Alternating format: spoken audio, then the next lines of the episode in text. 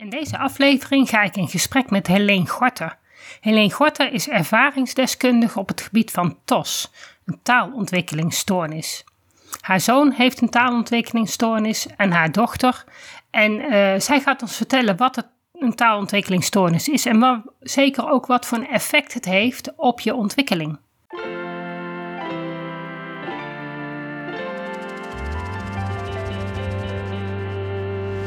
Welkom bij de Beelddenkers podcast. Ik ben Natasja Esmeijer van Beeldig Brein en de schrijfster van het boek Beelddenkers als kwartjes vallen. Ik neem jullie mee in de wereld van de beelddenkers. Beelddenkers zijn creatieve, intelligente en zorgzame mensen, maar ze hebben moeite met onze vluchtige, snelle maatschappij. Dat begint al op school en het werkt door in het werkende leven. Ik ga in gesprek met leerkrachten, ouders van beelddenkers en met de beelddenkers zelf natuurlijk.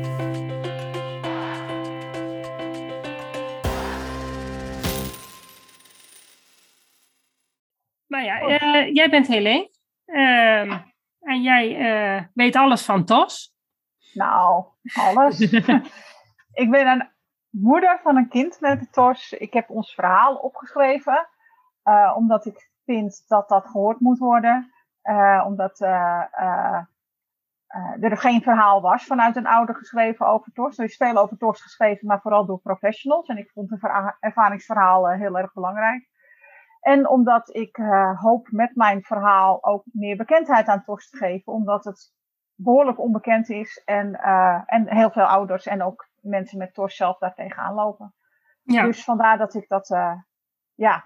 En, en ja, door mijn boek, ja, weet ik steeds meer over TOS, ja. Ja, dat is ook, dat heb ik zelf ook gemerkt. Ik heb natuurlijk een boek over beelddenken geschreven, maar doordat je ja. van mensen heel veel ervaringen hoort, leer je er ook veel meer over. Ja, ja, en ik doe ook mee aan onderzoeken. Ik heb, voordat ik mijn boek geschreven heb, al uh, deelgenomen aan een onderzoek of bijgedragen aan een onderzoek. Dat was onderzoek naar sociaal-emotionele ontwikkeling bij kinderen met taalontwikkelingsstoornis. Nou, dat is precies waar onze zoon nog steeds last van heeft en waarschijnlijk ook wel uh, zal blijven. En uh, ja, ik zit nu in een onderzoek ook naar de samenwerking tussen logopedisten en ouders. En ik zit aan deelkrachtonderzoeken toegankelijkheid zorg. En daar hebben we ook uh, ja, eigenlijk onderwijs automatisch bijgetrokken, omdat je dat bijna niet los van elkaar kunt zien. En hebben we met drie ouders hebben we onze cliëntreis, zoals dat zo mooi heet, in beeld gebracht. Nou ja, dan loop je al tegen heel veel dingen aan. En dan gaan we ook in november op, de, op het congres van partners in Verstaan, gaan we daar een masterclass over geven met onderzoekers samen. En ik zit in het onderzoek samen met ouders. Uh, dat gaat over de vroegbehandeling, waar onderzoek naar gedaan wordt. En, uh, interessant. Ja, ja, ja het is ook, het is ook echt heel interessant en heel leuk om te doen. En, uh, en ja, daarbij nou ja, geef ik regelmatig, uh, organiseer ik ouderbijeenkomsten voor ouders uit uh, Facebookgroepen waar ik lid van ben. En uh, soms doe ik dat zelf, verzorg ik dat zelf. Maar ik heb ook al een paar keer gewoon een professional geregeld die dan uh, nou ja, over een bepaald onderdeel uh, gaat vertellen. En ja, dat is ook erg leuk om te doen. Ouders die er ook heel blij mee zijn. En ik heb een mooie actie voor Wereld ben ik aan het opzetten. Over TOS, om TOS een gezicht te, te geven. En uh, de bedoeling is om in, uh, in alle regionale kranten op Wereld 15 oktober, een artikel, een ervaringsverhaal van ouders uit de regio. Of ouders of ervaringsdeskundigen en of professionals uit de regio, om die dan ook in de regionale kranten te krijgen. Wat Daar ben ik mee bezig. Ja, ja ik ben ja. echt. Uh, ik ben met een hoop dingen bezig. Ja, hey, zou jij kunnen uitleggen wat, wat TOS precies is? Ik bedoel, een taalontwikkelingsstoornis, dat is duidelijk. Maar hoe uitzicht dat bij een kind? Ik bedoel, wanneer merk je aan een kind dat het gewoon moeite heeft met praten, dat de ontwikkeling gewoon een beetje langzaam gaat? Of dat je echt te maken hebt met een stoornis? Dat het gewoon. Ja, nou, punt 1. Uh, de professionals zijn, de wetenschappers zijn het er nog niet eens over eens om een okay. eenduidige uh, definitie van TOS te geven. In mijn boek zeg ik dat, uh, dat mensen met TOS problemen hebben met het, het verwerven, het ontvangen, het verwerken en of het produceren van taal. Dus dat is het leren van taal, maar ook hoe taal binnenkomt. daar kunnen problemen zijn. het verwerken in je hoofd van taal, maar ook het produceren. Dus in principe uh, onder produceren valt bijvoorbeeld woordvindproblemen, dat je wel weet wat je wil zeggen, maar dat je niet op het woord kan komen. Maar bijvoorbeeld ook dyspraxie, dat je gewoon de aansturing naar je mond niet goed hebt. En dat, je, ja, dat daar dus een probleem is. Het is echt heel breed. Van, van taal horen. En dan, dan heb ik het niet over kinderen die natuurlijk uh, niet goed horen. Maar ja. dat niet. Maar uh, ja, bijvoorbeeld fonologische problemen. Je hebt kinderen met fonologische problemen dat valt ook onder TORS. En die horen dus een woord. Uh, ik, ik, weet, en ik heb een neef en uh, die kon dat later nog, hij is ondertussen in de dertig, maar hij kon het in de tijd goed vertellen. Uh, toen hij een jaar of tien was, kon hij heel goed. Hij zei altijd als, als, als hij een vliegtuig zag, dan zei hij oeg. Terwijl het vliegtuig moest zijn. En toen hij een jaar of tien was, kon hij heel goed vertellen. Heeft hij mij wel eens verteld van, nou, tante Helene, maar ik hoorde ook oeg. Terwijl hij dus geen problemen had. Dus de woorden komen ook soms anders binnen. En een fonologische probleem, hè, dat, dat is eigenlijk dat je klanken uh, niet op de juiste plek in het woord plaatst of door elkaar haalt. Uh, of sommige klanken gewoon niet oppikt. Uh, ja, dat valt ook onder TORS. En dat is dus aan de, aan de hoorkant, aan de binnenkomkant, maar ook aan de kant. Ja. ja. En we kennen natuurlijk allemaal wel kinderen die, die web zeggen en dat heel hardnekkig doen in plaats van wesp. Maar fonologisch probleem is nog wel even groter dan dat. Ja, ja want wat, uh, nou ja, goed, hoe, hoe, ontdek je dat? Want ik denk dat heel veel kinderen. Um, hoeveel kinderen zijn er eigenlijk met een TOS? Ongeveer? Uh, uh, Hebben ze een idee? 5 tot 7 procent staat er in alle wetenschappelijke oh, onderzoeken. En ja, de laatste tijd lees ik veel in, in berichten dat er in Nederland zo ongeveer 266.000 kinderen zijn met TOS. En dan hebben we het over kinderen. Maar ja. TOS gaat niet over. Nee, dat eh, snap ik. De meeste kinderen leren wel praten. En een heel groot deel leert ook goed praten. Maar dat wil nog niet zeggen dat het in je hoofd ook goed gaat. En worden alle kinderen wel er echt uitgepikt van dat ze. Nee, ik kan me ook voorstellen dat je een leerprobleem hebt. En dat ze dan zeggen: Nou ja, je kan gewoon niet zo goed leren. Maar dat je eigenlijk gewoon een tos hebt. Ja, of een gedragsprobleem. Ja, dat bedenk, is... Uh... Bedenk even dat als jij uh, bijvoorbeeld op school, daar komen natuurlijk de meeste gedragsproblemen naar voren. Uh, als jij bijvoorbeeld instructie krijgt, maar die woordenbrei, je kunt in principe beheers je de taal, hè, dat, dat kan. Je, je, kent alle woorden wel, maar het feit dat die woorden maar blijven komen en die, dat die dan één grote chaos in je hoofd vormen, worden, ja, je kunt je voorstellen dat kinderen dan afhaken tijdens instructie. En, uh, ja, en een kind dat zich afha dat afhaakt, ja, die, die ziet uh, de vogeltjes buiten vliegen. Of die gaat de buurman eens even een beetje zitten testen. Nou ja, die gaan gedragsproblemen ontwikkelen. Of hè, je bent buiten aan het spelen en je kunt je medeklasgenoten niet volgen. De kinderen waar je mee aan het spelen bent. Ja, dan kunnen dus ook gedragsproblemen naar voren komen. Want je wil ze wel kunnen volgen. Wat mijn zoon bijvoorbeeld deed, was dan heel overheersend worden.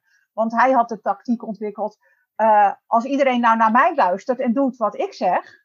Dan ja, dan je zelf niet te luisteren.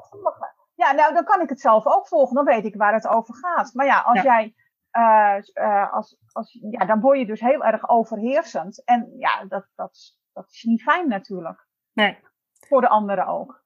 Nou, nou werk ik natuurlijk met, met beelddenkers. Um, ja. Al die taalgebieden, we hebben er drie die zitten allemaal aan de linker hersenhelft. Heb jij het idee dat de meeste kinderen met een TOS, dat dat ook gelinkt kan zijn aan beelddenken? Omdat beelddenkers natuurlijk van nature vooral die rechter hersenhelft gebruiken en dus ook links niet zo goed toegang hebben? Of zit daar echt wel een, uh, ja, iets dat er gewoon niet goed is aangelegd, net als bij dyslexie, dat je gewoon een, een taalgebied niet goed kan gebruiken? En komt het evenveel voor bij taaldenkers en beelddenkers? Ja, ik heb erover na zitten denken, want ik heb me natuurlijk wel even verdiept. Uh, je wist dat mijn vraag zou gaan komen. ja, ja. Ik, um...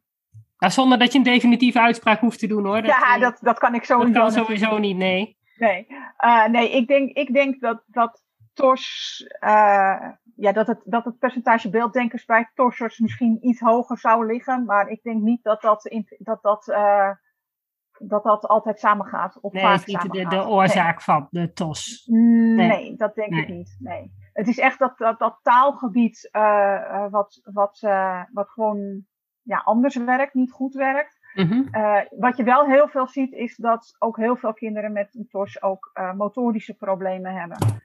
En dat komt wel omdat die twee gebieden in de hersenen, het taalgebied en het motorische gebied, gewoon dicht bij elkaar liggen. Ja. En, en ook, ook best wel vaak hoor je de combinatie TOS en dyslexie. Okay, ja, maar dat is natuurlijk, ja, dyslexie is natuurlijk ook, heeft ook met je woordvormingsgebieden te maken. Of, of ja, uh, maar het is, het is wel anders, denk ik. Ja, ja want die, die kunnen wel goed de informatie krijgen, alleen die kunnen het niet goed eh, omzetten in symbolen omzetten in klanken. Die koppeling is er vaak niet goed. Ja, en, en, dyslexie komt er dus echt uit met, eh, op het moment dat een kind moet gaan lezen, Ja. of dat een volwassene moet gaan lezen, of, of moet gaan schrijven. En, eh, en TOS is, is natuurlijk veel groter. En Ja. ja, mijn, mijn zoon kan prima lezen. Eh, Die heeft, Ja. die heeft absoluut geen dyslexie. Nee, dat- En- daar, en daar dat zit het puur dus op het praten. Bij TOS zit het meer op het praten in plaats van op het lezen. Ja, en bij mijn zoon zit het dan ook nog meer op het, eh op het dyspraxiegedeelte. Dus op het, op het motorische gedeelte. Daar, daar Ja. heeft hij in eerste instantie had hij problemen mee. Hij was ook gewoon al heel jong heel onhandig. Is ook heel lang onhandig gebleven. Eh, en eh, hij, hij kon gewoon de woorden niet vormen. En dat heeft hij heel lang gehad. En daardoor loop je ook eh, nou ja, op taalgebied een hele grote achterstand op. En krijg je evengoed alle andere problematiek die ook bij TOS komt kijken. Als nou ja, eh, executieve functies die, die lastig zijn, innerlijke taal die slecht is, sociaal-emotionele problematiek. Eh, ja, dus hij heeft. eh, In eerste instantie kwam bij hem die dyspraxie eruit, verbale dyspraxie, maar eigenlijk helemaal dyspraxie, want hij vindt nou, al- alles moeilijk. Hij heeft ook acht jaar lang fysiotherapie gehad. Dus, en ehm, uh, maar hij heeft ook woordvindproblemen. Hij heeft ook problemen om, om uh, een antwoord te geven meteen als er een vraag gesteld wordt. Hij heeft ook problemen met het verwerken van taal. Uh, werkgeheugen is lastig bij hem en informatieverwerkingssnelheid is ook lager. Ja. Dan zijn behoorlijk lager dan zijn IQ, zeg maar. Ja, nou ja, dan zie je dat natuurlijk bij beelddenkers ook heel sterk terug. Vandaar mijn, Ja. mijn, mijn bruggetje. Dus, dus Ja, er een soort van er overlap. Ja, er zit, er zit wel overlap in. in Ja, maar geval- de oorzaak is anders. Dat denk ik wel, ja. Ja, ja, ja. Maar daar, daar durf ik echt geen uitspraak over te doen. Nee, nee, maar dat hoeft ook niet hoor. Want ik bedoel, de- je kan het allebei hebben. Of, of, of een taaldenker zijn met, met TOS, of een beelddenker zijn met TOS. En zo werkt het met, met heel veel dingen natuurlijk. Ja, dat denk ik wel, ja. En ehm, nou ja, je hebt het al over sociaal-emotionele problemen. Hoe, uit, ja, hoe, hoe kun jij dat eh, verklaren? Van hoe zit dat precies? Want ik kan me voorstellen als jij taal, niet taalvaardig bent, dat je dus inderdaad ook geen ehm, ja, moeilijk, moeite hebt met sociale contacten. Maar Ja. zit er ook nog iets meer achter? Eh, nou ja, sowieso is het natuurlijk lastig om sociale contacten te hebben, om die eh, aan te gaan. En daar had mijn zoon ook, dat hij echt heel klein was, echt moeite mee. Want hoe maak je contact met een ander kind als je niet kunt praten? Dat is best lastig. En eh, daar wordt, worden ook snel kinderen op buiten gesloten. En eh, jij, je ontwikkelt je sociaal-emotioneel in, het heet niet voor niks sociaal-emotioneel, in sociaal contact. Als jij geen sociaal contact hebt, kun jij je ook niet sociaal-emotioneel ontwikkelen. Nee, omdat Dus- je de ervaringen niet opdoet. Juist, Ja, want je moet ervaren dat een ander het niet leuk vindt als jij hem een deal geeft, bijvoorbeeld. Of dat een ander het niet leuk vindt als jij een, een scheldwoord zegt. Dat moet je ervaren. En door die, door die ervaring leer je. En als je dus dat contact niet hebt, of slechter contact hebt dan, dan je leeftijdsgenoten, dan kun je dus minder leren. En als je minder leert, dan ben je dus minder sociaal vaardig. En als je minder sociaal vaardig bent, heb je weer vanzelf mindere contacten. Ja. En kun je Ja. weer minder leren. Dus dat is een visuele cirkel die, die zichzelf versterkt. En waardoor een, een, een kind met een TOS, en lang niet alle kinderen hebben deze problemen hoor, maar een kind met een TOS gewoon een groter risico heeft op sociaal-emotionele problematiek. Omdat hij niet kunt leren. En, en ook nog eens, als jij het woord, ik zeg, ik zeg dat in mijn boek ook, en ik, ik zeg dat heel vaak, als je het woord verdriet niet kent, hoe weet je dan dat je verdriet hebt? Ja, dat die emotie daarbij hoort. Ja, want emoties Ja, zijn en- natuurlijk ook eh, lastig voordat je die kan benoemen. Dat zie je bij heel veel jonge kinderen die gefrustreerd zijn, die gewoon eigenlijk heel boos zijn, terwijl ze eigenlijk helemaal niet boos zijn, maar verdrietig of geschrokken. Of, Ja, omdat ja. ze eigenlijk die En als je- nuances niet kennen. ja, als jij het woord verdriet niet kent, dan weet je dus niet dat je verdrietig bent. Nee. Maar je kan ook niet, je, je snapt, begrijpt ook niet dat een ander kan ervaren dat jij verdrietig bent. En dat een ander daar iets van kan vinden van jouw verdriet. Ja, of dat een ander geïsoleerd hebben. Ja, dus je, je, hebt, je hebt woorden nodig om je, om je sociaal-emotioneel te ontwikkelen. Woorden zijn, zijn in, in wezen de, de, de, de connectie tussen mensen. Ja.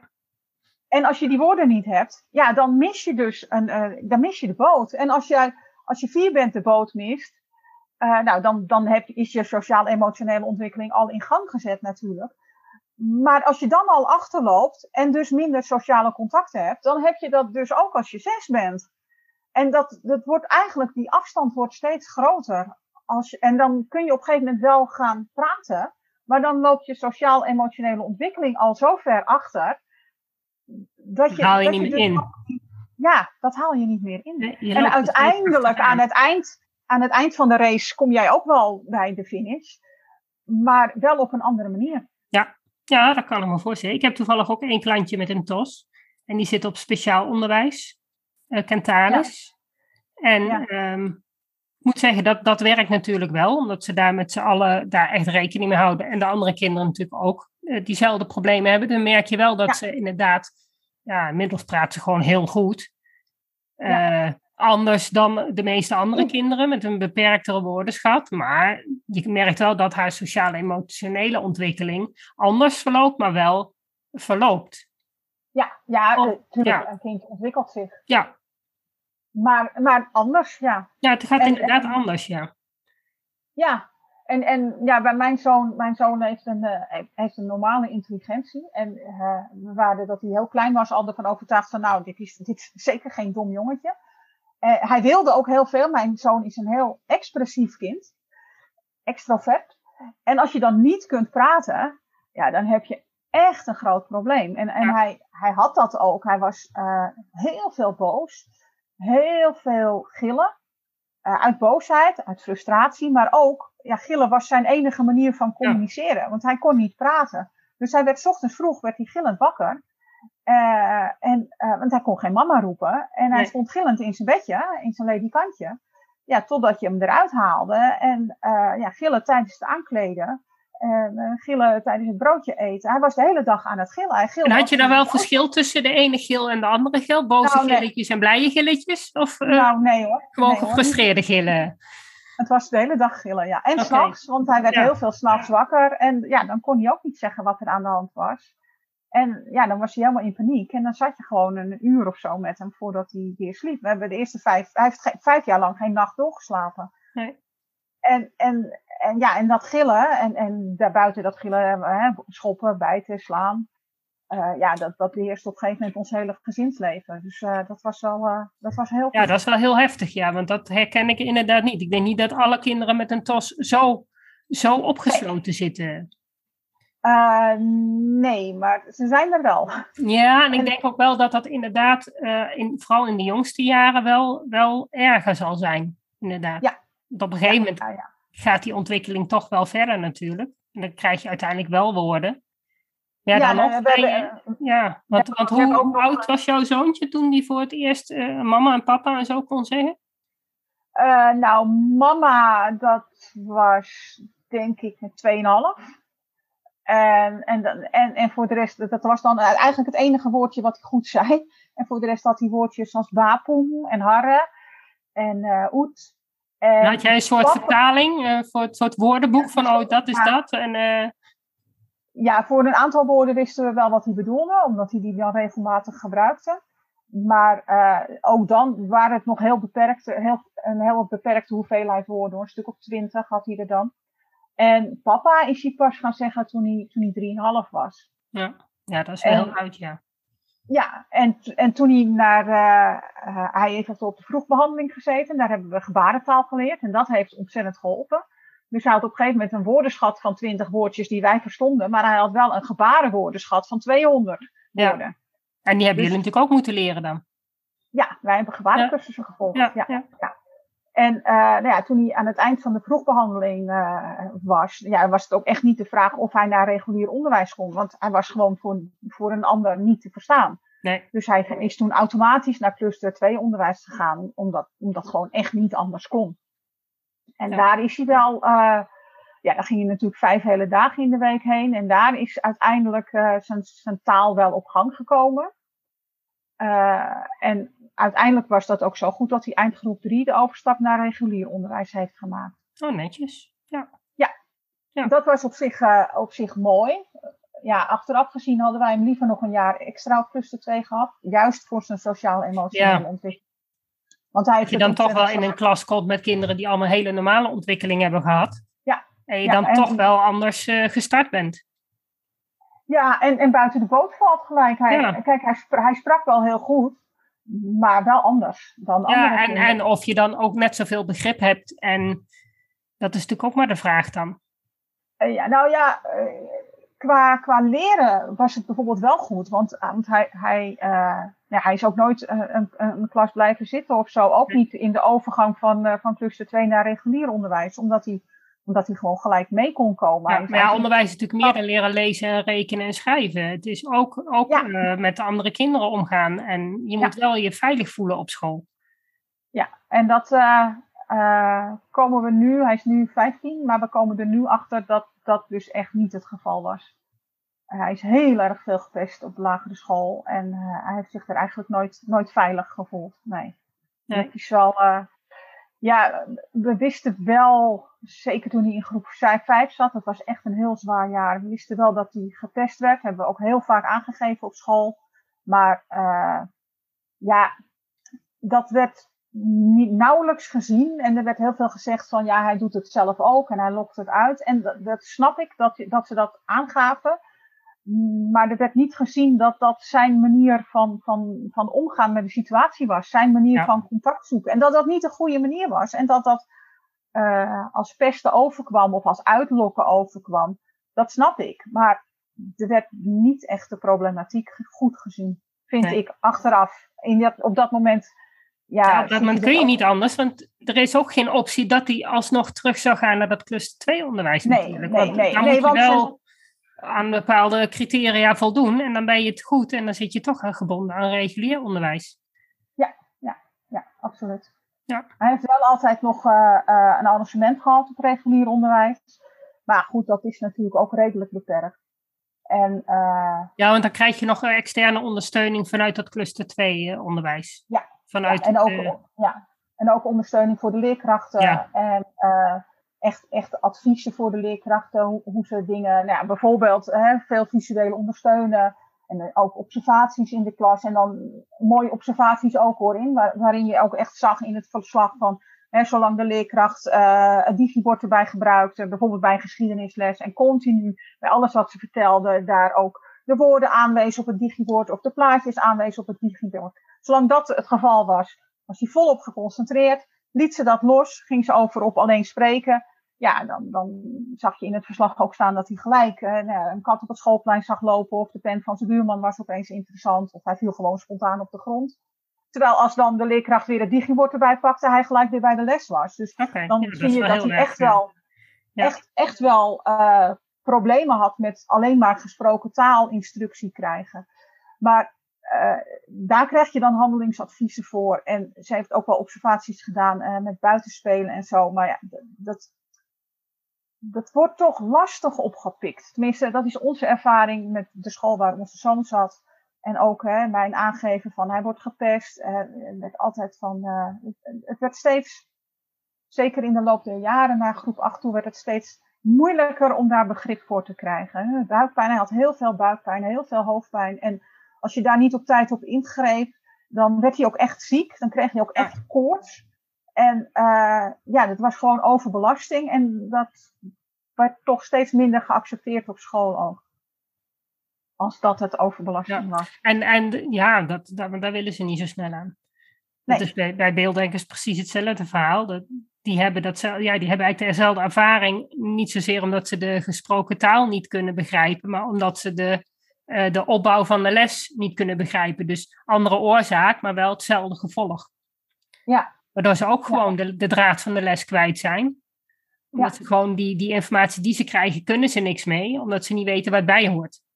Ja. Dus het is een vergelijkbaar probleem. Alleen wel echt een andere oorzaak, begrijp ik nu. Uh.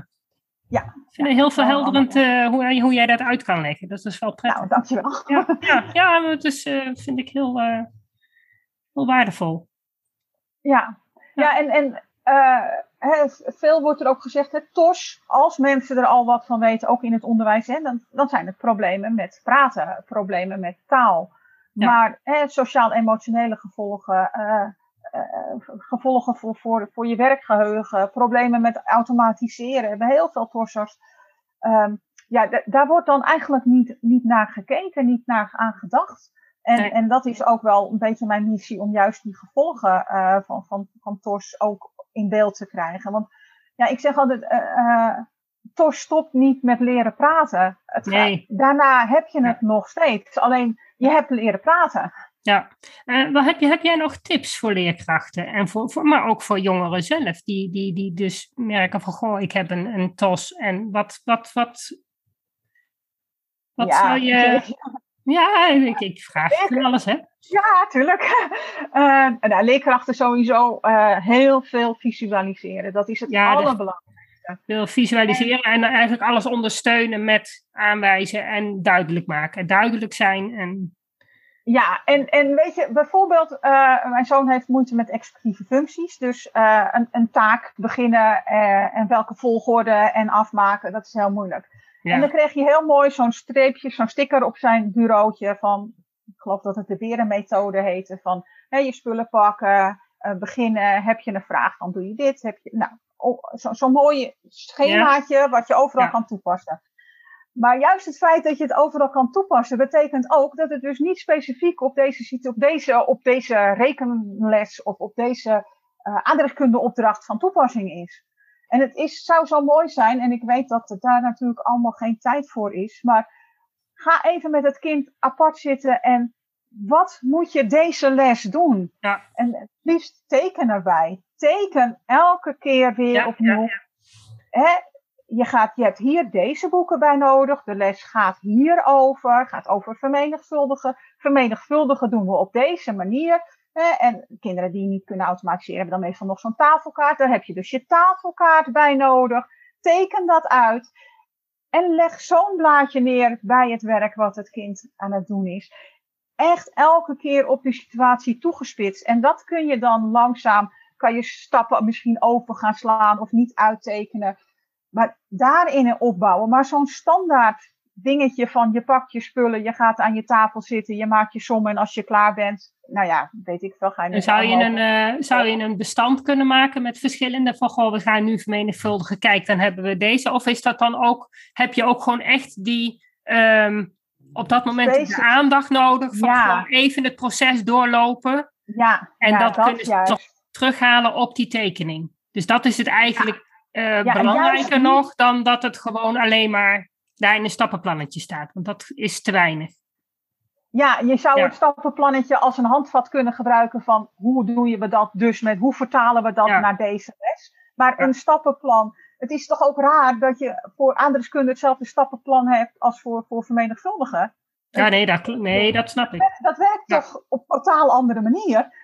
Ja. Tenminste, ik kan Ja, me dus dat je moet die executieve functies. Maar ja, is dat niet ook per kind verschillend in hoeverre zij dat wel of niet doen? Of zie je bij heel veel kinderen met TOS dat die, die eh, executieve functies dat die ook moeilijker ontwikkelen? Ja, een executieve. Je hebt heel veel taal nodig voor executieve functies. Je Ja. moet het allemaal in je hoofd bedenken. Ja, En heel veel kinderen met, met een taalontwikkelingsstoornis hebben juist problemen met die innerlijke taal. Oké, ja. Er is een heel mooi boek over geschreven, dat is net uit. Dat heet Taal in het kwadraat.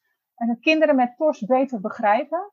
En dat gaat juist over de gevolgen van een taalontwikkelingsstoornis. En dat is, ja, dat is door, door eh, professionals geschreven. Dus het is echt eh, wetenschappelijk onderbouwd. Wat je in Mhm. mijn verhaal Ja, gewoon een ja. ervaringsverhaal leest. Maar juist over hè, die executieve functies. En over de theory of mind. Je hebt er allemaal zoveel taal voor nodig. Ja. En, dat, En zie je dat dan ook. je allemaal eh, een, een, een- dit, dit klinkt ook heel veel allemaal als autisme. ja, Ja, ja, er zit ook zeker een overlap tussen TOS en autisme. Maar uh, dat wordt ook. Uh, Anouk van Middelkoop heeft daar een mooi artikel over geschreven. Over geschreven. Dat heet Een kwestie van tossen. Waarin ze juist de, het autisme en de TOS, uh, de raakvlakken die je aan de buitenkant ziet, uh, dezelfde kenmerken die je aan de buitenkant ziet, uitlegt dat het ene autisme is en het ander TOS is. Ja. En dat je het dus ook op een andere manier moet behandelen. Ja, maar ja goed, dat is ook wat ik natuurlijk in mijn boek heel erg uh, probeer te doen. Dus om inderdaad, want je hebt ook autisme en hooggevoeligheid. Hooggevoeligheid met een sterke wil en autisme, dat kan ook heel erg op elkaar lijken. Ja. Heeft wel een andere oorzaak en dus ook een andere aanpak. Nou ja, en dat is dus het belangrijkste. Ik heb, ik heb elk schooljaar op het regulier onderwijs de vraag gekregen van de leerkracht: uh, Heeft je zoon geen autisme? Ja. En dan zei ik altijd: Dat klopt, mijn zoon heeft geen autisme. Dat hebben we ook al laten onderzoeken, want die vraag hadden wij zelf ook, omdat zijn gedragsproblemen bleven nadat hij leerde praten. En ons daarvoor was gezegd: van als hij gaat praten, gaat zijn gedrag ook vooruit. Nou, dat gebeurde wel een beetje, maar niet genoeg. En toen hebben we hem laten onderzoeken op ADHD en autisme. En dat had hij beide niet. En uh, toen kwam ook de, de conclusie dat hij een sociaal-emotionele ontwikkelingsachterstand had als gevolg van zijn taalontwikkelingsstoornis. En toen dus kwam bij mij ook het besef dat een taalontwikkelingsstoornis dus veel meer is dan leren praten. Wij, wij hebben echt heel erg ingezet met de gebarentaal en met oude cursussen om die taal, dat, dat praten te stimuleren.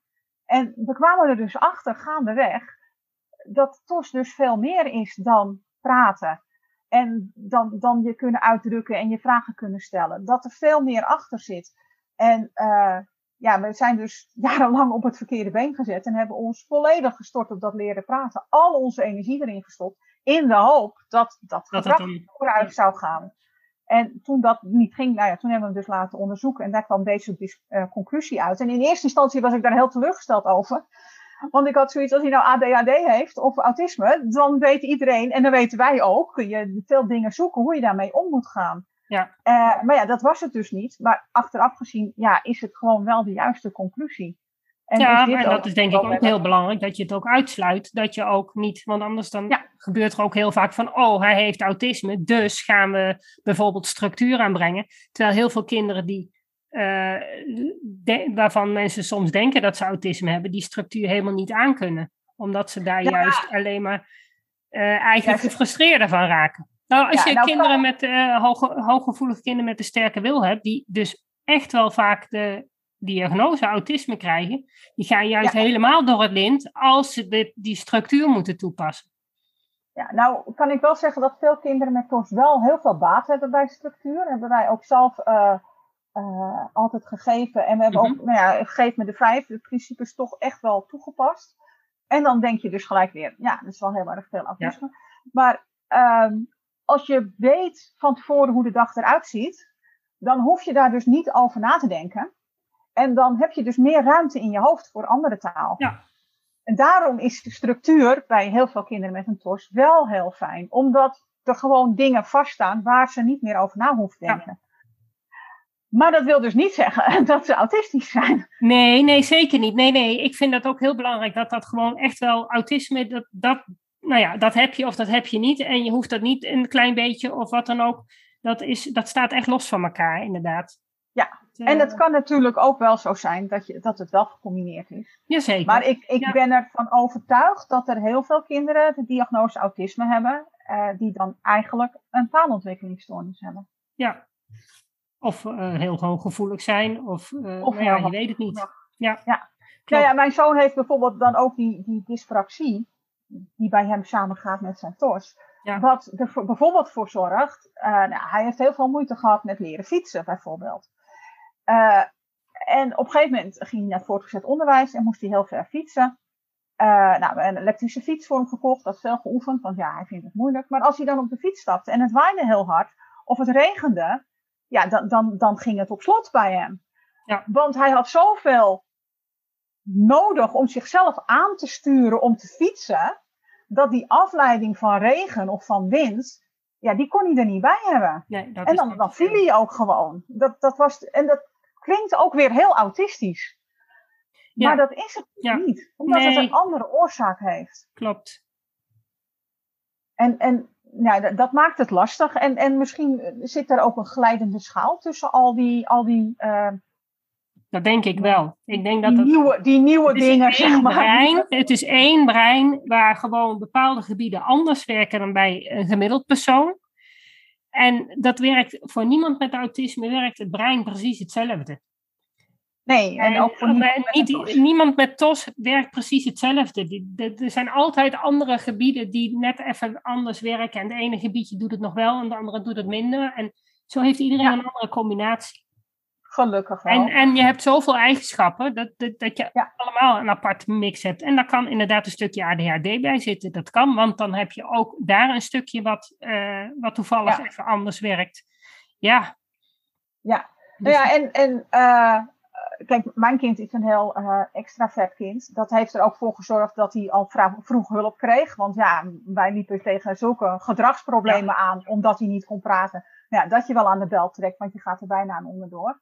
Maar ja, er zijn ook echt heel veel kinderen met een taalontwikkelingsstoornis die heel introvert zijn. Ja, en die zullen zich minder snel uiten en, en misschien van binnen zichzelf opvreten. Minder snel opgemerkt. Ja, ja. Ja, en, en je hebt kinderen, kijk, mijn zoon ging niet praten. En heel veel kinderen met TOS die jong opgemerkt worden, dat zijn kinderen die niet gaan praten of achterblijven met hun praten of op een andere manier praten. Ik denk aan dat fonologische probleem. Maar je hebt ook kinderen met een TOS die wel gaan praten. Maar die hebben bijvoorbeeld of, uh, dysfasie, woordvindproblemen. Ja. En dat valt ook onder TOS. En dat zijn dingen die pas veel later opgemerkt worden. Ja, en dan kan het zijn dat je gewoon op regulier onderwijs zit en je gewoon uh, denkt van, gewoon, nou ja, het is gewoon niet zo slim. Ja, ja, ja. dat, uh, dat kan, ja. Of je hebt een hele hoge intelligentie, je kan misschien dingen compenseren. Ja, ja. Dat, dat sowieso. Uiteindelijk gaan kinderen natuurlijk compenseren. En uh, ja, uh, dysfasie. mijn dochter heeft dysfasie. En ja, die ging gewoon praten, niks aan de hand. En uh, die in de tweede kleuterklas kregen we op een gegeven moment de juf van ja, ze moet toch een jaar extra kleuteren, want uh, ze, ze, staat altijd achteraan in de rij. Uh, ze speelt nog steeds de hond in het poppenhuis, uh, ja, in, de in plaats van dat ze de vader of de moeder speelt uh, als er een werkje gedaan moet worden en is uitgelegd, dan mag ze altijd tot andere kinderen beginnen. Maar ja, dat was in principe ook omdat zij, je gaat bij zwemmen achter in de rij staan, want je, kan die instructie, je kan die instructie niet goed volgen. Dus je gaat afkijken bij anderen. Wat doen de anderen? En dat doe je na. En dat is ook, nou ja, met werkjes in de klas, met, met gimmen. Uh, ja, dat, dat is een manier die kinderen zichzelf aanleren om te compenseren. Ja, want ze zijn heel jong, dus ze kunnen niet anders. Want het is zoals zij zijn en ze gaan er niet over nadenken dat zij anders zijn dan andere kinderen. Nee, en dan wordt zo'n kind dus eigenlijk, die gaat een, een klas overdoen. Ja. Terwijl dat dus niet een intelligentieprobleem is, maar het, dat het probleem gewoon niet gezien wordt wat het kind wel heeft. En dat nee. is ambitie. Nee, want het moet voldoen aan wat wij met z'n allen bedacht hebben dat alle kinderen nu eenmaal moeten doen. Ja, en, en nou ja, er wordt dus, niet er wordt dus alleen maar naar het, naar het gedrag gekeken en niet naar de oorzaak van het gedrag. En dat is natuurlijk wat je heel veel ziet, nog steeds vind ik in het onderwijs. Er wordt gekeken, dit kind zet de hele, de hele dag de klas op stelte, of dit kind uh, verstoort, of dit kind loopt altijd van zijn plek af. Maar je moet gaan kijken naar waarom dat is. En dan kom je er veel verder. Ik heb vorig jaar een ouder gesproken, ondertussen al anderhalf jaar terug, denk ik die had een zoon van, uh, van 15. Die uh, stond op het punt om voor de derde keer van zijn uh, middelbare school, afge VMBO-school, afgestuurd te worden. Die, dat kind had, toen hij klein was, op de vroegbehandeling gezeten, want hij sprak niet. Maar die was heel goed daar gegaan, dus die was heel goed aan gaan praten. En hij was ook voor zijn vierde jaar al bij de vroegbehandeling weg, want het ging gewoon goed. En er werd ook die ouders de boodschap meegegeven het was gewoon een taalachterstand. Er is niks met hem aan de hand. Prima. Dus hij is gewoon naar uh, het regulier onderwijs gegaan. Die ouders hebben dat ook in hun hoofd afgesloten. Van nou, hij had de achterstand, het is goed, niks meer aan de hand. Hij is naar het regulier onderwijs gegaan. En vanaf groep drie kregen hij en zijn ouders altijd te horen dat hij lui en ongemotiveerd was. Oh ja. Moet je bedenken, een kind van 6, 7 jaar Ja. dat te horen krijgt dat hij lui en ongemotiveerd is. Kinderen van die leeftijd. Maar die zijn niet lui en ongemotiveerd. Nee, Nee, dan denk je ja, van hij was- hoogbegaafde kinderen. Of Ja. kinderen met ADD. Ja, Die komen En- ook en- zo over, ja. en die ouders, eh, nou ja, die zagen ook wel dat hun kind niks deed op school. Maar goed, dat, dat kind, die, ja, en die de- hadden ook zoiets van, ja, die zijn wij om daar wat van te zeggen. Dus Mhm. ja, je gaat je kind op, op zijn donder geven, hij moet beter opletten, hij moet gewoon zijn werk gaan doen. En dat deed hij nooit. En, eh, maar goed, dat, die jongen was niet echt, was niet dom of zo. Dus die kwam wel die hele school door. En die werd geplaatst op VMBO-kader. En ja, het eerste jaar al hè, lui en ongemotiveerd, bleef zitten. Nou, dan moest hij naar basis. Eh, andere school ook, want eh, ja, ze wilden hem niet meer hebben. En nou, toen ik er dus sprak, stond hij op het punt om van zijn derde school afgestuurd te worden. Omdat hij lui en ongemotiveerd was. Ja. En eh, toevallig liep daar op die school gelukkig iemand van Kentalis rond voor een ander kind. En die hoorde in de wandelgangen dit verhaal. En die zei toen van, goh, zou hij niet een taalontwikkelingsstoornis kunnen hebben? En die ouders toen gelijk in dat gesprek, hé, hey, maar hij heeft vroeger op de vroegbehandeling gezeten. Dat kwam opeens weer boven bij die ouders. Ja. Dus dat kind is onderzocht. En hij bleek dus echt een gigantische taalontwikkelingsstoornis te hebben en een gigantisch informatieverwerkingsprobleem. Ja. Ja, en dan haak je af en dan denk je ook van, laat maar, kan toch niet volgen. En dan krijg je dus een kind dat het stempeltje krijgt, lui en ongemotiveerd. Terwijl het kind gewoon een taalontwikkelingsstoornis heeft en met hulp daar wel komt. Ja. Ja. Ja. ja, zolang er geen oorzaak er wordt inderdaad veel te veel naar gedrag gekeken. En nou ja, pas je in het plaatje, pas je in het plaatje prima. Zo niet, ja, dan Ja. eh, heb je een probleem. En Ja. dat is inderdaad, het is natuurlijk in het onderwijs heel lastig om dan maar precies uit te zoeken wat de oorzaak is. Ehm, Ja. Maar ik denk wel dat het zeker waard is. Want het is natuurlijk ook wel voor iets voor ouders hè, om, om goed in de oren te knopen. Van gewoon let op. Ja. ja, de school heeft 30 kinderen in de klas. Die zien het gedrag en die, die, die hebben het kind natuurlijk niet thuis. Eh scholen moeten natuurlijk wel goed naar de ouders luisteren, want die, die zien wat het gedrag thuis is. Dus je kan dat zeker Ja. vergelijken. Ja. Maar het is wel iets wat, eh, ja, wat je heel veel hoort. Ja, en zeker als een kind op, op school eh, totaal anders functioneert dan wat thu- ouders thuis ervaren, Ja. dan, dan moet je al vraagtekens gaan zetten, want dan, Ja. dan is er iets aan de hand. En het kan zijn, hè, want mijn zoon, die deed dus op school ontzettend zijn best om niet op te vallen. Ja, En dan dus ontzettend op zijn tenen. Ja. En die was thuis dus gewoon doodmoe. ja. Nou ja, dat heb. Ik- Mijn dochter heeft autisme. En dat is ook gewoon thuis. Ik, ik, bracht ze huilend naar school. Ik, bracht ze, ik kwam huilend thuis en op school was er niks aan de hand. Ja. Dat, ik, dat, dat de juf zei van, goh, gaat goed met haar, hè? zit lekker in de vel. Ik zei, nou, ik krijg de huilen thuis. eh, zo lekker zit Ja. ze niet in de vel. Kost zoveel energie, dat school. Ja. Maar ze willen niet opvallen, ze willen aanpassen. En of ze nou. ADD hebben, of autisme, of TOS, of, maakt niet uit. Een kind wil voldoen aan wat de rest van de klas ook doet. En gaat er niet vanuit dat het zelf een probleem heeft. Dat weet Nee. het niet. Nee, natuurlijk Dat is niet aan een kind om te weten dat het, eh, dat het ergens een beetje anders eh, in die bovenkamer gaat. Ja. Ja.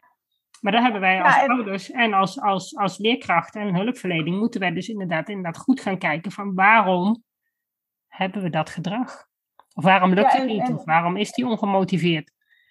En, en wat dan veel ouders ervaren, en dat hebben we zelf ook ervaren, dat als je daarmee naar school gaat, dat school eh, dat niet ziet en dus Nee. ook niks mee wil doen. Nee, En nee dan- dat klopt. Ja, dan, Want- dan word je een lastig ouder. Ja, en dan moet je toch, of je, of je moet al binnen dat plaatje van de diagnoses van de DSM vallen. Nou, dan heb je ook maar weinig beperkte keuze, heb je dan. Ja. Dus dan krijg je een labeltje wat gewoon niet past. Soms natuurlijk past dan- het wel, als dat echt het probleem is, maar heel vaak past het niet. En heb je niet een, een, een officiële diagnose, dan is er eigenlijk binnen het systeem weinig hulp mogelijk. Ja. Want mijn dochter kon geen, eh, geen eh, lestijdvermindering krijgen, alleen maar omdat ze autisme heeft.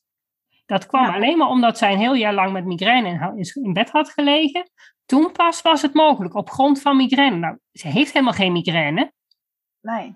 Maar Nee. nou ja, op basis daarvan mag zij nu al twee jaar gewoon eh, halve dagen naar school. En gaat het prima met haar, of prima, maar dan kan ze het goed volhouden. Maar Ja.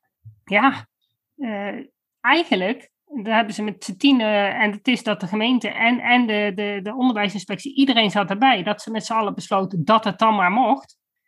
Maar ja. dat is natuurlijk een beetje raar. Ja, nou, wij gelukkig op de lagere school, ook omdat we nog ambulante begeleiding hadden, hebben we daar wel medewerking in gehad. Dat scheelt. Omdat, ze ook, omdat ook gewoon, ja, mijn zoon gewoon uitviel en dan gewoon echt een week ziek was.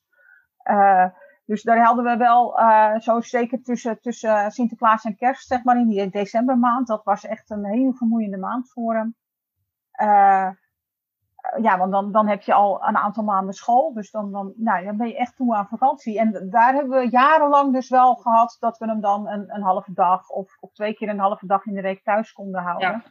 En uh, ja, dat wilde hij liever niet, hè? Want hij wilde nee. naar school. Hij wilde Nee, net dat- afstanden naar school. Ja, dat klopt. Maar goed, dan is de mogelijkheid er in ieder geval. En dat hebben we ook gedaan hoor. Ja, Maar eh, Ja.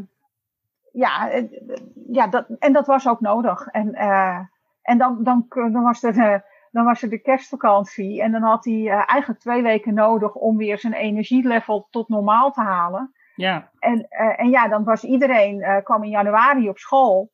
En die waren helemaal bijgetankt. En hij was net tot het minimum bijgetankt. Ja. En dan krijg je gelijk die, die CITO-weken. Nou, dan was het alweer op. En dan was hij voor de, voor de voorjaarsvakantie was hij alweer ziek. En ja, dat, dat, echt, ja het is, het is, echt moeilijk. Ja, je moet toch nog steeds eh, gewoon, zeker op regulier onderwijs, je moet gewoon aan het plaatje voldoen. En er is Ja. weinig mogelijk om daar vermindering in te brengen. Terwijl dat eigenlijk best heel helpend zou zijn. Want zolang jij maar zorgt dat je goed kan lezen, rekenen, schrijven en eh, nou ja, praten. En, en, en gewoon met de informatie om kan gaan. Dat is eigenlijk voldoende wat je moet leren. Alleen, ja, we hebben met z'n allen besloten dat we nou eenmaal aan al die eisen moeten voldoen. Ja. Ja, het zou best minder kunnen, maar ja. Dat, eh, Ja, en, en eh, het- ja, het, gaat, het gaat zo hard en het moet zoveel. En, en je bent zo afhankelijk van de leerkracht van je, Ja. van je, van Ja. je kind. Of die leerkracht eh, jou ziet en je kind ziet en, en, en daar moeite voor wil Ja, doen. en dat is eigenlijk het allerbelangrijkste. Zolang er maar inderdaad gezegd wordt van, goh, weet je, je hebt dat probleem, we doen het op deze manier, prima. Ja. Dan kun je heel veel aan. Ja. Ook als En je als als dat ouders daarin eh, erkend wordt van, goh, hé, hey, je hebt misschien wel gelijk, eh, zullen we eens gaan kijken, kunnen we het misschien net een beetje aanpassen, dat je in ieder geval serieus genomen wordt. ja. Dat en is al dat niet ontzettend belangrijk. En als dat niet het geval is, dan heb je gewoon een groot probleem. En dat hebben Ja. wij ook ervaren in groep Ja. 8. Want- En dat is uiteindelijk ook, eh, ook bij onze zonen helemaal misgelopen. We, we troffen, zijn, zijn eh arrangement ging naar beneden, dus aan, in aantal uren. En dat betekende vooral dat zijn sociaal-emotionele begeleiding weg zou vallen. Eh, nou, dat was nou juist waar hij problemen mee had. Ehm, en toen hebben we dat bij het samenwerkingsverband aangevraagd, maar die vonden het niet nodig om daarop in te zetten. En die vonden dat richting het voortgezet onderwijs de zorg afgebouwd moest worden. En toen troffen we een leerkracht die vond dat er dus niks meer aan de hand was met onze Oh ja. zoon.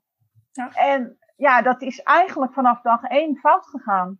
En eh, de eerste dag kwam mijn zoon al huilend thuis over het groepje waar hij in zat. En ja, dat is alleen maar op gaan bouwen, op gaan bouwen, op gaan bouwen. En de leerkracht was het ook niet eens met onze schoolkeuze voor het voortgezet onderwijs. En waar hij eind groep 7 nog uitstroomadvies TL kreeg, werd hij meteen vanaf begin groep 8, werd, eh, ze- vond de leerkracht dat hij maximaal naar kader kon. En eigenlijk dat hij, eh zei dus aan aan in de loop van het jaar dat hij basis waarschijnlijk niet eens zou, zou halen. En, eh, en dat klopt ook, want toen was hij al zo ver gezakt dat Ja, nee, dat, dat, dat zie niks je meer terug.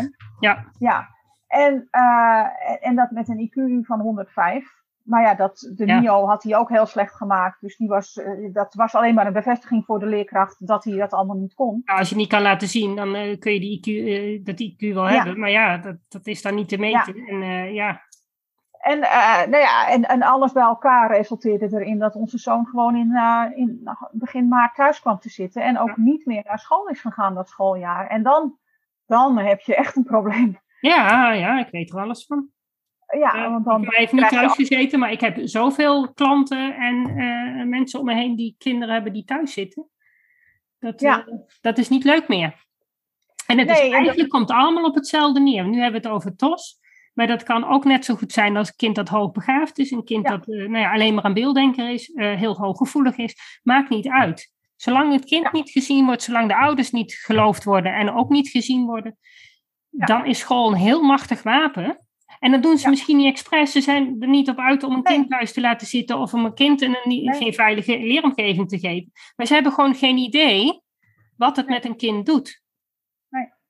En daar gaat het fout. En daar, daar moeten we met z'n allen heel hard voor strijden dat daar gewoon meer aandacht voor komt. En dat, daar gewoon, uh, dat er wat aan gedaan wordt. Dat, dat scholen bewust worden van dat er zoveel verschillende oorzaken kunnen zijn waarom een kind niet altijd maar zo met de les mee kan doen.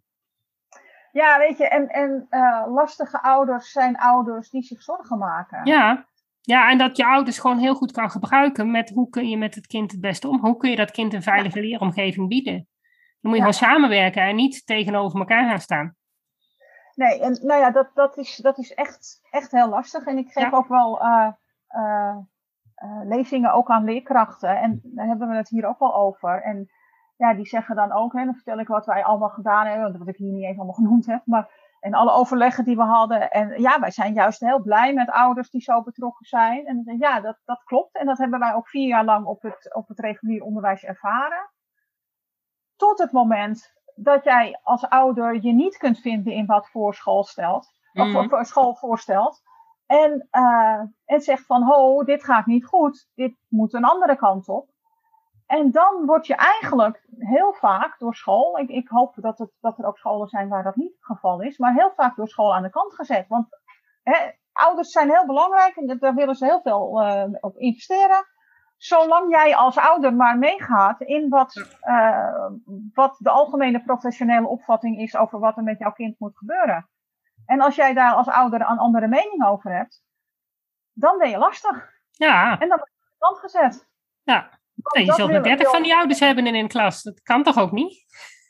Ja, maar het, nee. ja, als je 30 van die kinderen in je klas hebt, dan heb je ook een vraag. Dat zul je wel moeten. Je zult wel moeten als leerkracht. Je zult echt naar die ouders moeten luisteren, denk ik. En natuurlijk denk ik niet dat de ouders kunnen dicteren hoe een, een leerkracht het kan. Maar ik denk wel dat je samen moet gaan uh, uitvinden van, goh, wat werkt voor dit kind?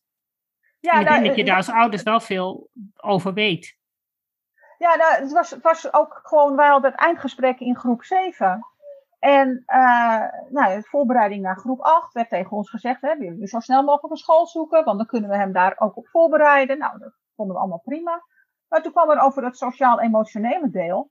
En toen werd er gezegd van, uh, ja, hij, uh, hij speelt monstertje op het schoolplein. En ik had zoiets van, wauw, mijn kind speelt monstertje op het schoolplein. Dat is een hele belangrijke stap in zijn ontwikkeling. Dus ik was helemaal blij. Maar ik kwam gelijk achteraan, ja, dat kan niet. Hij moet nee. direct naar het voortgezet onderwijs. En dan kan hij geen monstertje meer spelen. Dus uh, was eigenlijk de conclusie dat hem verboden moest worden om monstertje te spelen. Want hij moest leren hoe hij zich op het voortgezet onderwijs moest gaan gedragen. Ja. En ik had zoiets van, hè, waar zijn we nou mee bezig? Ja. Mijn kind is zich aan het ontwikkelen en jullie gaan zeggen dat moeten we afkappen, want het moet anders. Dat kan toch niet? Nee, alsof je dat kind ineens anders kan laten functioneren. En het was, en het was zo'n ontzettend belangrijke stap in zijn ontwikkeling. Ja. Ik was er zo blij mee. En ik kwam ook echt met een heel erg rot gevoel uit dat gesprek vandaan.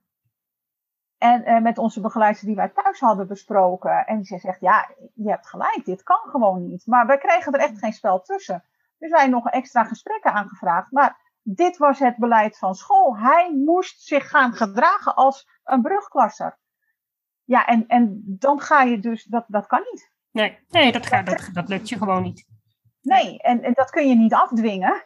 Je, nee. het, je kunt hooguit een ontwikkeling eh, stimuleren, mm, ja, zodat het misschien sneller gaat. Maar je kunt, het niet, je kunt het niet gaan afbreken en het moet anders. Nee. En daar is uiteindelijk ja, dan is mijn zoon gewoon, uiteindelijk is dat de reden geweest waar mijn zoon op stuk gegaan is. Hij, hij kon niet meer zichzelf zijn. En dat voelde hij ook gelijk vanaf dag één. En hij voelde zich vanaf dag één gewoon niet veilig in de klas. Niet gezien, niet gehoord. En, niet en op het middelbaar onderwijs ging het daar wel beter? Dat was, uh, nou ja, hij had, hij had alles bij elkaar, inclusief vakantie, een half jaar thuis gezeten. Mm. Dus dat was wel pittig om dan weer te starten. We hebben hem naar een speciaal kamp gedaan uh, van Stichting De Ster, speciaal brugklaskamp. Voor kinderen die om wat voor reden dan ook wel wat extra ondersteuning kunnen gebruiken. Dan heeft hij ontzettend genoten. Hebben ze ook toneelstukjes gespeeld van wat als je je huiswerk niet gemaakt hebt. Of als, nou ja, je kan van alles bedenken en uh, goede pedagogische begeleiding erop. En, um, maar het, het, het, was echt, uh, echt heel moeilijk. Hij had ook gewoon totaal geen vertrouwen in de leerkrachten. Daar heeft hij ook in, uh, in het eerste jaar nog EMDR voor gehad, omdat hij ja, daar ook niet in kon functioneren op nee. school. Met heel veel begeleiding van school zelf. Heel, echt een school gevonden met een heel goed zorgteam, waar hij ook altijd terecht kon, waar altijd iemand voor hem was in het begin ook uh, bepaalde lessen gewoon niet gedaan. Gym, dat was geen optie. Motorisch vervelend, maar in zo'n groot lokaal, ja, ja. geluid galmt. Ja. Waar hij moest vertrouwen op de medeleerlingen om hem op te vangen bij, bij oefeningen. Nou, dat, daar kwam zoveel problemen samen dat het niet lukte. En uh, ja, hij heeft het uiteindelijk gewoon allemaal gered. Met heel veel hulp. We hebben huiswerkbegeleiding thuis gehad, want ja, executieve functies. Dat hmm. kon ook echt niet op school. Ja, uh, twee jaar lang geprocedeerd tegen de gemeente of uh, bezwaarprocedures gehad tegen de gemeente, omdat de gemeente vond dat school dat moest betalen. En het ja, samenwerkingsverband zei het is thuis, dus dat betalen wij niet. Nou, dat krijg je er ook allemaal nog even gratis bij. Uh, maar hij heeft het gehaald. Hij heeft afgelopen juni heeft hij zijn diploma in ontvangst ah, genomen. Gefeliciteerd. Leuk. Wat gaat hij nu doen? Hij gaat naar het MBO. Een MBO-opleiding gaat hij doen. En ja. Ja, dat moet wel spannend weer, zijn, maar hij is natuurlijk nog meer praktijkgericht, hè? Ja, ja, we gaan het, we gaan het uh, helemaal beleven. Ja, ik, weet het nog niet. Nee, nee, nee. Maar het, nee. Is, ja, het gaat niet vanzelf. Nee. Hey, ik wil je heel hartelijk danken voor dit gesprek. Het was echt een hele grote eye-opener. Tuurlijk wist ik wel wat TOS was, maar dit is wel heel duidelijk zo. Ja, ik zou zeggen, uh, ga mijn boek lezen. Ja, dat ga ik zeker dat, doen. Dat brengt nog meer uh, duidelijkheid in. Juist omdat, omdat het uh, ja, gewoon praktijk is. Ja. En kun jij nog even de titel van je boek noemen voor de luisteraars? Vechten voor mijn kind met een tos. En de ondertiteling is over taalontwikkelingsstoornis en de gevolgen op de sociaal-emotionele ontwikkeling. Ja, en, en jij bent heel uh, korter. Ja, Helene Gorter. Het is uh, gewoon in de, in de boekwinkel te, uh, kun, kan het besteld worden. Het kan bij bol.com besteld worden. Maar dat kan ook bij mijn eigen, op mijn eigen website in uh, www.heleenegorter.nl kun je het bestellen. En dan krijg je er nog een handgeschreven kaartje bij. Oh, wat leuk. Nou, jij bedankt voor het gesprek. Graag gedaan. Dat was het weer voor vandaag. Bedankt voor het luisteren en superleuk dat je erbij was. Ik hoop dat je weer een beetje meer ontdekt hebt hoe gaaf, maar ook hoe lastig het kan zijn om een beelddenker te zijn in een wereld die is ingericht voor taaldenkers.